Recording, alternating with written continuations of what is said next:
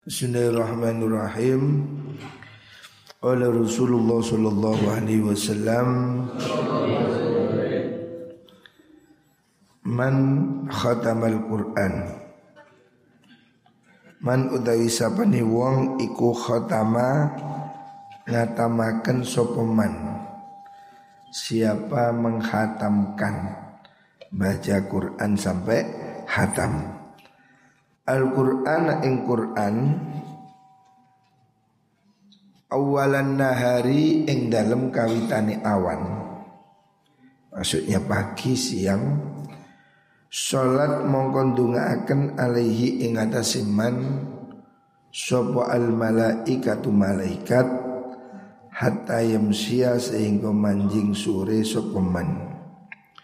Wa manan utai sapane wong iku khatamatu ngatamaken sapa manhu ing Al-Qur'an sapa ne wong ngatamno Qur'an akhiran nahari ing dalam akhir awan.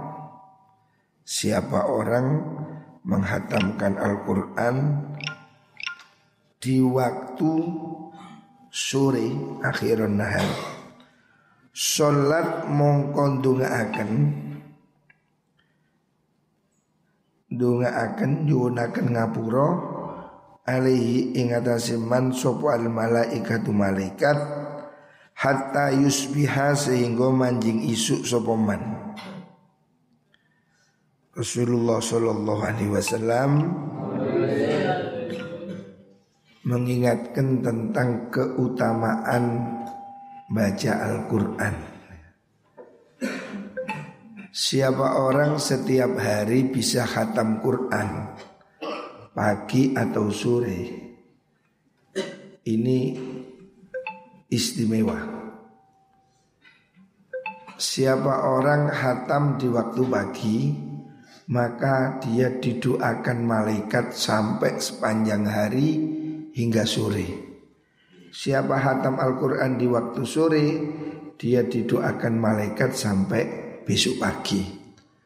Artinya sepenuh hari itu dia selalu didoakan oleh malaikat. Ini keutamaan orang yang membaca Al-Quran. Makanya ulama-ulama dahulu itu wiritannya ya Al-Quran. Guru saya Bahagia Idris Lerboyo ya wiritannya Al-Quran. Jadi beliau ke mana-mana selalu bawa Al-Quran pergi ya bawa Al-Quran. Bayanwar pendiri pesantren ini sama. Bayanwar juga selalu baca Quran. Bahkan kalau bagi Anwar ini setiap hari mungkin satu hari maksimal dua hari mesti hatam. Karena Bayanwar itu tidak pernah ngobrol sama sekali Bagian luar itu tidak pernah nemuni tamu, guyon tidak pernah. Jadi kalau ada tamu ya sak cukup eh, saking kunti, lanopo, perlu opo, sudah selesai. Tidak pernah Mbak Yanwar itu menerima tamu terus cerita anu apa regane gula, regane kates, tidak ada. Mbak Yanwar itu pelit bicara sedikit ya kalau bicara itu secukupnya. Tapi sehari-hari pegang Quran.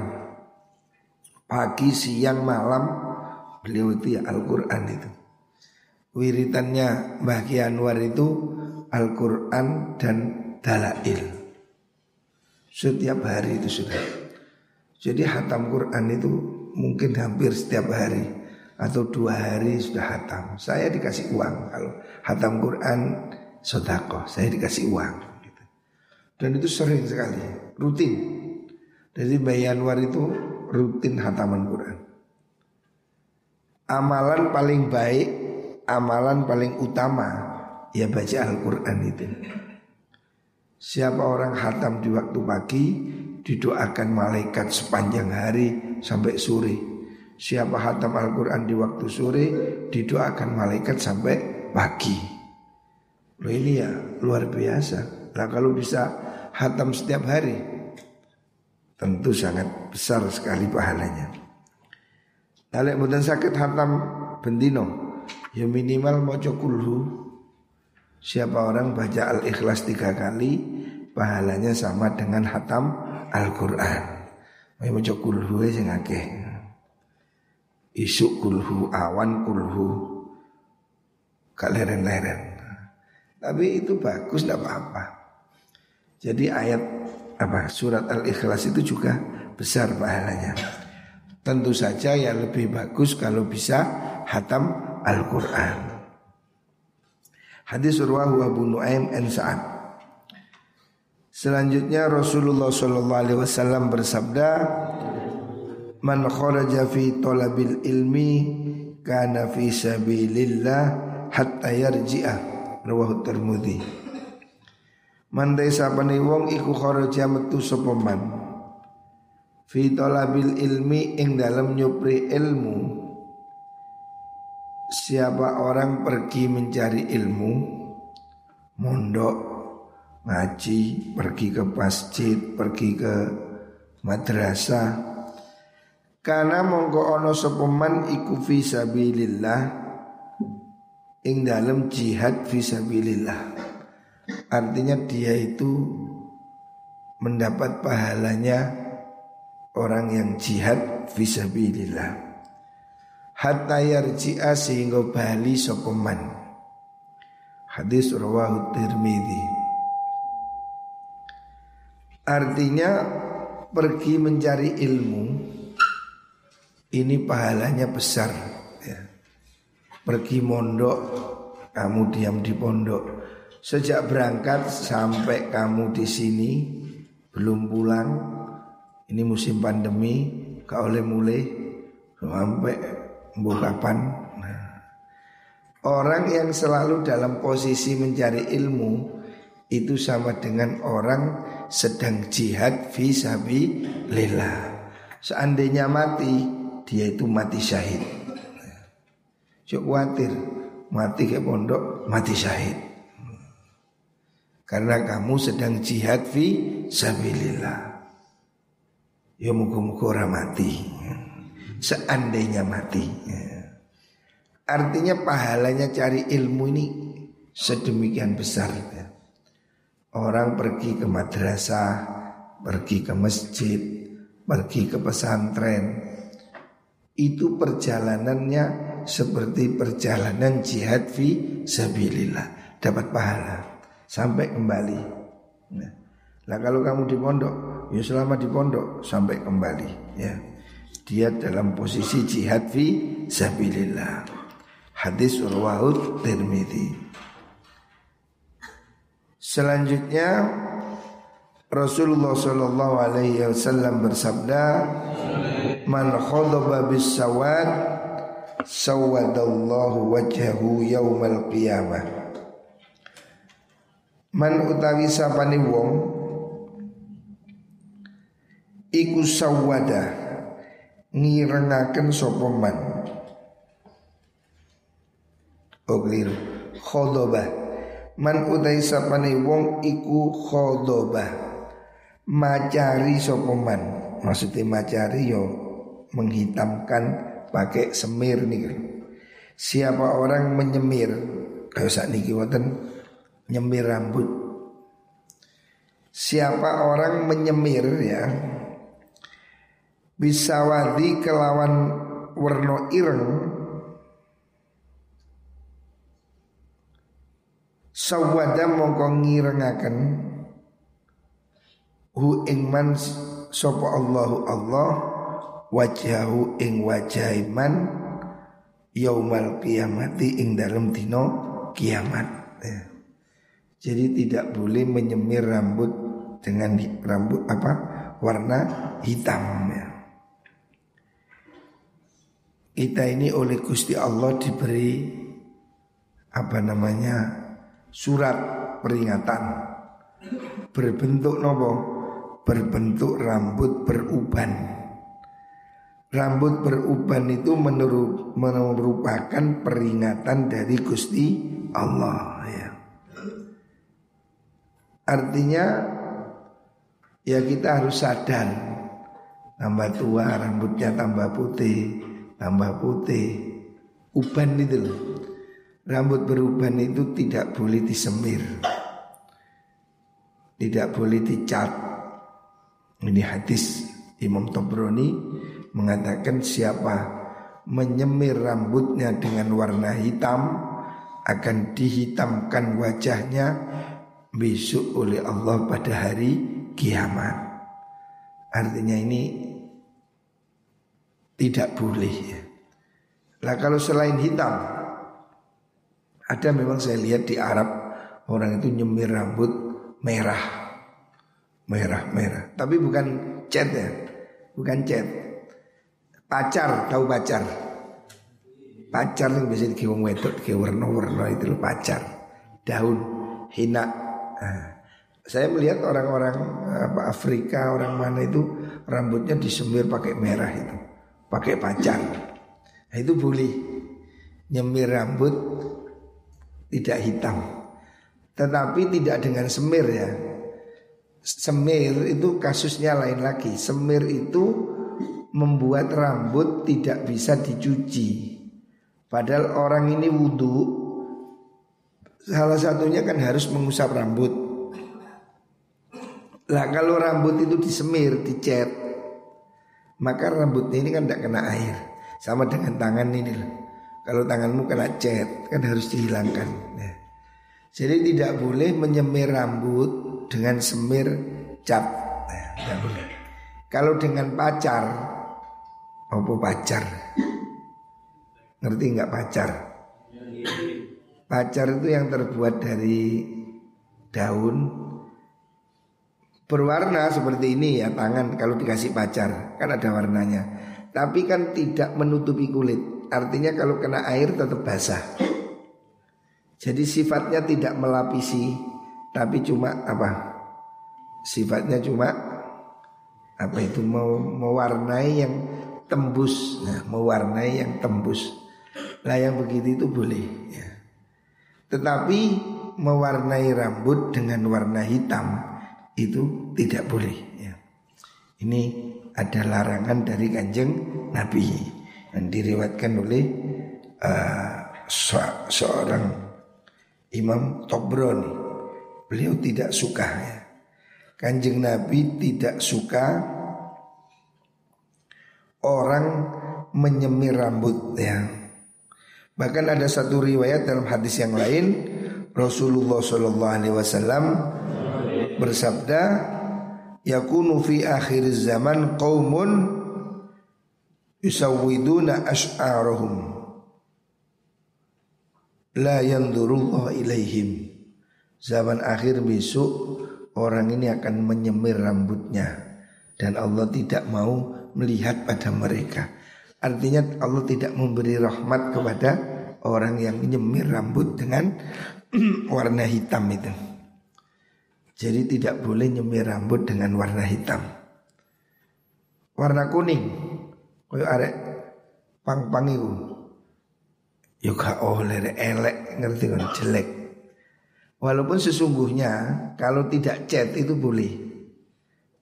Tapi kalau cat itu tidak boleh karena catnya ini menutupi rambut dari air gitu Tapi gak usah neko-neko lah. Umpamanya arek pondok rambut disemir nemen gak pantas sih rek. Nemen elee mengarek pondok kok rambut disemir. Jadi itu kan bukan pekerjaannya orang baik ya. Sebaiknya tidak perlu pakai semir itu. Jadi kalau kita ini tambah tua ya rambut tambah rambut putih wiswayai ya orang seusia saya ya rambutnya mulai putih ini peringatan memang. Gusti Allah itu kirim surat alarm.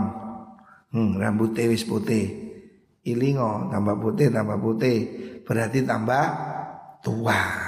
Tambah tua tambah tua. Ilingo mati ngono Sebetulnya itu peringatannya. Jangan disemir. Kalau disemir kamu akan merasa muda terus. Us umur pitung puluh rambutnya ireng. Rumong sosik telu limo si joget, si karaoke, nah itu. Makanya ini diingatkan oleh Allah. Rambutmu tambah putih itu kamu sudah tambah tua. tambah api hati-hati lho. Hadis surwah Tobroni Hadis riwayat Imam Tobroni Selanjutnya mandalla ala khairin falahu misru ajri fa'ilihi. Man utai sapane wong iku dalan nutuhaken sapa man ala khairin ing atase kebagusan falahu mongko iku ketuwe man misru ajri fa'ilihi utawi padane ganjarane wong kang nglakoni ing khair. Rawahu muslim. Kanjeng Nabi menganjurkan kita ini jadilah sponsor kebaikan. Jadilah kita ini penggerak sesuatu yang positif di mana pun ya. Siapa orang menunjukkan kebaikan maka dia akan mendapat bagian pahalanya tanpa mengurangi pahala yang melakukan. Umpamanya Nurus. Kamu kasih tahu temanmu. Jangan bolos. Contoh no Jok bolosan. Beri contoh Kasih petunjuk temanmu supaya jadi lebih baik. Kalau temanmu itu jadi rajin belajar Kasih dia resep Supaya bangun tahajud Umpamanya. Siapa orang menunjukkan jalan kebaikan, mengajak kebaikan, dia dapat pahala seperti apa yang dilakukan oleh orang lain itu. Ya. Jadi kita ini harus jadi sponsor kebaikan. Sing seneng ngejak koncone untuk hal-hal yang positif. Contohnya jamaah Jamaah jadi digugah Ayo tangi-tangi bangunkan Temanmu ajak sholat Kamu ngaji Bangunkan temanmu Kamu sekolah Ajak temanmu ya. Semua dari kita ini harus jadi sponsor kebaikan Ngajak orang Ini pahalanya sama dengan dia Jadi kalau kamu ngejak orang sak kamar 20 orang jamaah kamu dapat pahala 20 orang itu. Ganjarannya berlipat ganda. Kita ini sebisanya ayo ngejak barang sing api. Jangan ngajak barang yang jelek. lek bolos, lek beling, ojo ngejak konco. Jangan mengajak orang berbuat jelek. Kamu dapat bagian dosa. Kalau kamu ngejak temanmu bolos Kamu dapat dosa Karena kamu yang menunjukkan jalan berbuat dosa Alhamdulillah Sebaliknya kalau kamu ngajak kebaikan Contohnya ngejak ngaji ini gitu Contohnya gue arek ngantuk yuk hmm. Kan ngaji hmm ngajak kebaikan kamu dapat pahala. Jadi kita ini harus peduli. Jangan baik sendiri. Aku yang penting ngaji. Oh tidak cukup.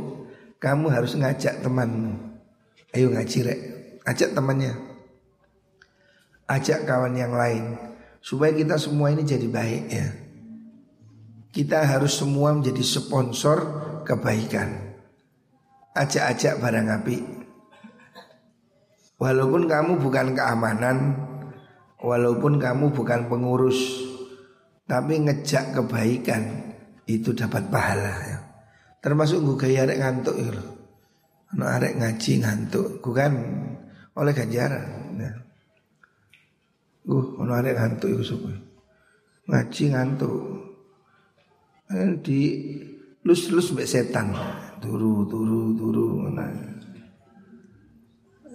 Coba ini ngaji ku akeh setan nih padha mbek Jumatan nih lho.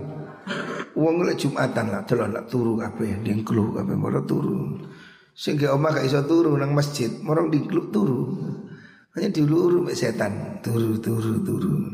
Cek gak kerungu. Karena ngaji ini banyak pahalanya.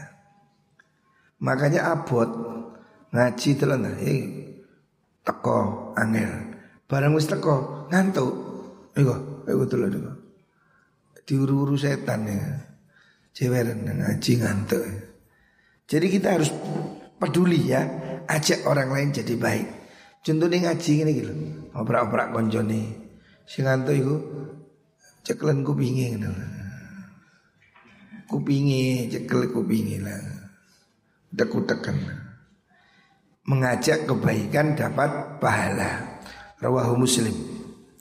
Selanjutnya Nabi bersabda, man da'a huda kana lahu minal ajri mithlu ujuri man ittaba'ahu man utawi sapane wong siapa orang iku da'a ngajak sapa man siapa orang mengajak.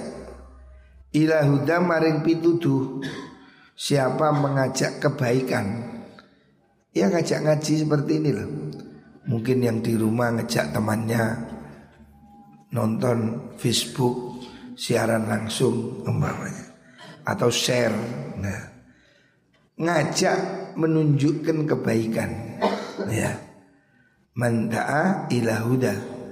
Karena mongko ono iku lau man minal ajri saking ganjaran mitru ujuri man utawi padane piro-piro ganjarane wong ittaba kang anut sapa mengkono man hu ing mandaan iku layang kusu hali ora sudo apa dalika ora nyuto apa dalika mengkono mitul ujur min ujurihim sanging piro-piro ganjarane manit tabahu syai'an ing suci-wici Siapa orang mengajak kebaikan? Hari ini kan lebih gampang. Ada medsos.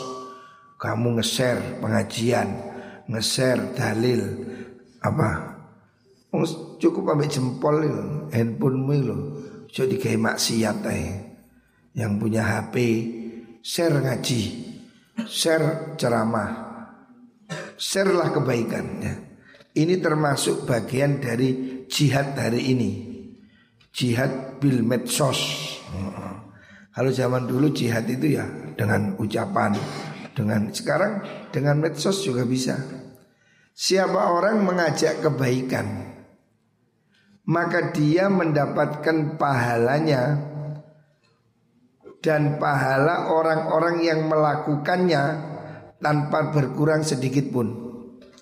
Jadi misalnya kamu nge-share pengajian terus ditonton oleh 100 orang dan 100 orang ini mendapat manfaat dari ngaji itu kamu dapat pahalanya.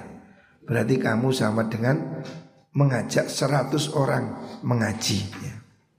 Jadi hari ini semakin dimudahkan ya dengan adanya medsos ini bisa lewat Facebook, bisa lewat Twitter, bisa lewat Instagram. Gunakan medsosmu untuk dakwah. Gunakan medsos ini untuk ngajak kebaikan supaya medsos ini dipenuhi dengan dalil, dipenuhi dengan perbuatan baik, dipenuhi dengan contoh-contoh yang bagus ya. Kita ini setiap hari melihat medsos ini diisi gambar wong wedo, semua iklan untuk gambar wong wedo. Iklan uli loh untuk gambar wong wedo. Apa hubungannya wong wedok be uli barang ini? Iklan ban yuk gambar wong wedok. Dunia kita ini darurat wong wedok. Saking akeh wong wedok. Maka harus diimbangi nih. Kamu jangan ikut-ikut nge-share Nikita Mirzani. Nah opo? Kadek kok share wis akeh sing seneng niku.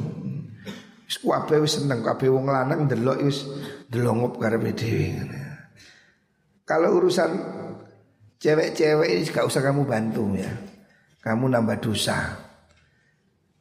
Gunakan medsosmu itu untuk nge-share ngaji Nge-share ayu mondok ah, Ngajak orang mondok Ngajak orang ke masjid Ngajak orang jamaah nah, Dakwah hari ini Ya Kalau dulu kan ada dakwah bilhal Dakwah dengan tindakan Dakwah bil lisan Sekarang ada tambahan dakwah bil medsos Nah, bil medsos.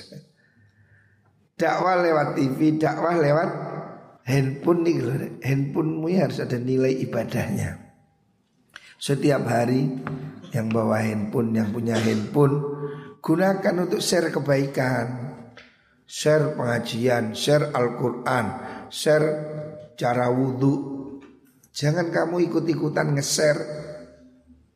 Lunte Oh boy Lunte ini lontong sate. Jangan ikut-ikutan share yang jelek. Share lah sesuatu yang bagus Ngaji di share Apa itu?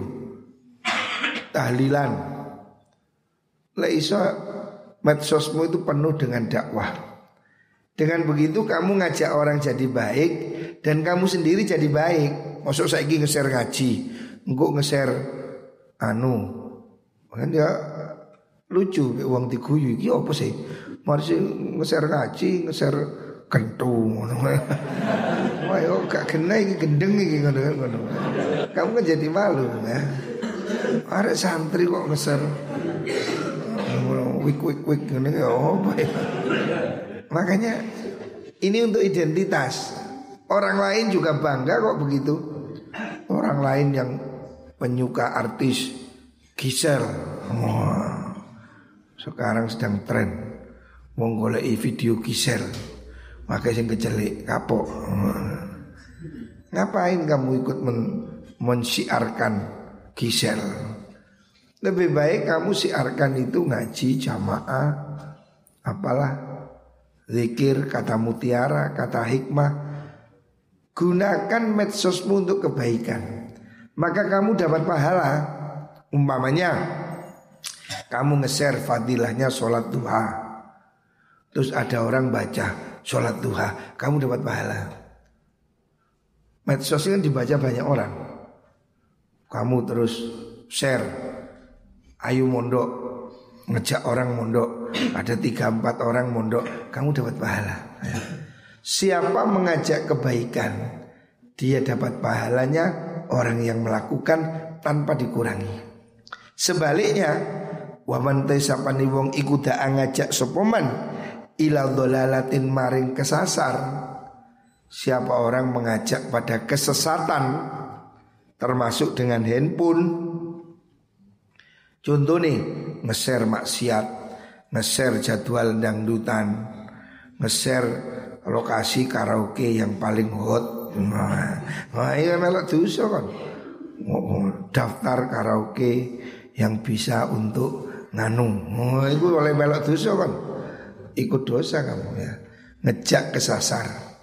Siapa mengajak kejelekan karena mongko ono iku alihi tetap ingat asiman minal ismi saking dosa mislu miman utai padani piro-piro dosane wong itaba akan anut sopeman hu ing mengkono manda ila dolala layang kusu hari ora suto ora nyuto opo dalika mengkono ismu min athamim saking piro-piro dosane mengkono-mengkono manit tabahu sayan ing suci-wici ya jadi Rasulullah mengingatkan tentang ini bagian dari amal jariah juga.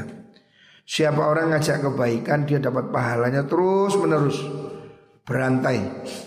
Umpamanya kamu membuat tradisi di kamarmu bangun jam 3 malam. Terus kamu sudah boyong orang lain masih melakukan Kamu dapat pahalanya terus Kiriman pahala Sebaliknya kalau kamu membuat contoh Cara bolos Ngasih contoh bolosnya jam sekian, baliknya jam sekian supaya tidak ketahuan lewat sini. Nah, kamu berarti jadi sponsor dosa. Semua orang yang mengikuti jalanmu, kamu dapat dosa. Nah, jangan jadi sponsor dosa. Menunjukkan jalan-jalan berbuat dosa, berarti dia ikut berdosa. Menunjukkan jalan kebaikan, dia ikut dapat pahala. Ya. Ini harus kita lakukan. Ayo ajak teman kita jadi baik. Jangan sampai kita mengajak orang jadi jelek. Jangan jadi ular.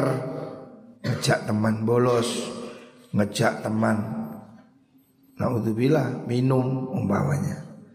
Termasuk ngejak teman merokok, nggak boleh. Di pondok ini dilarang merokok. Ya.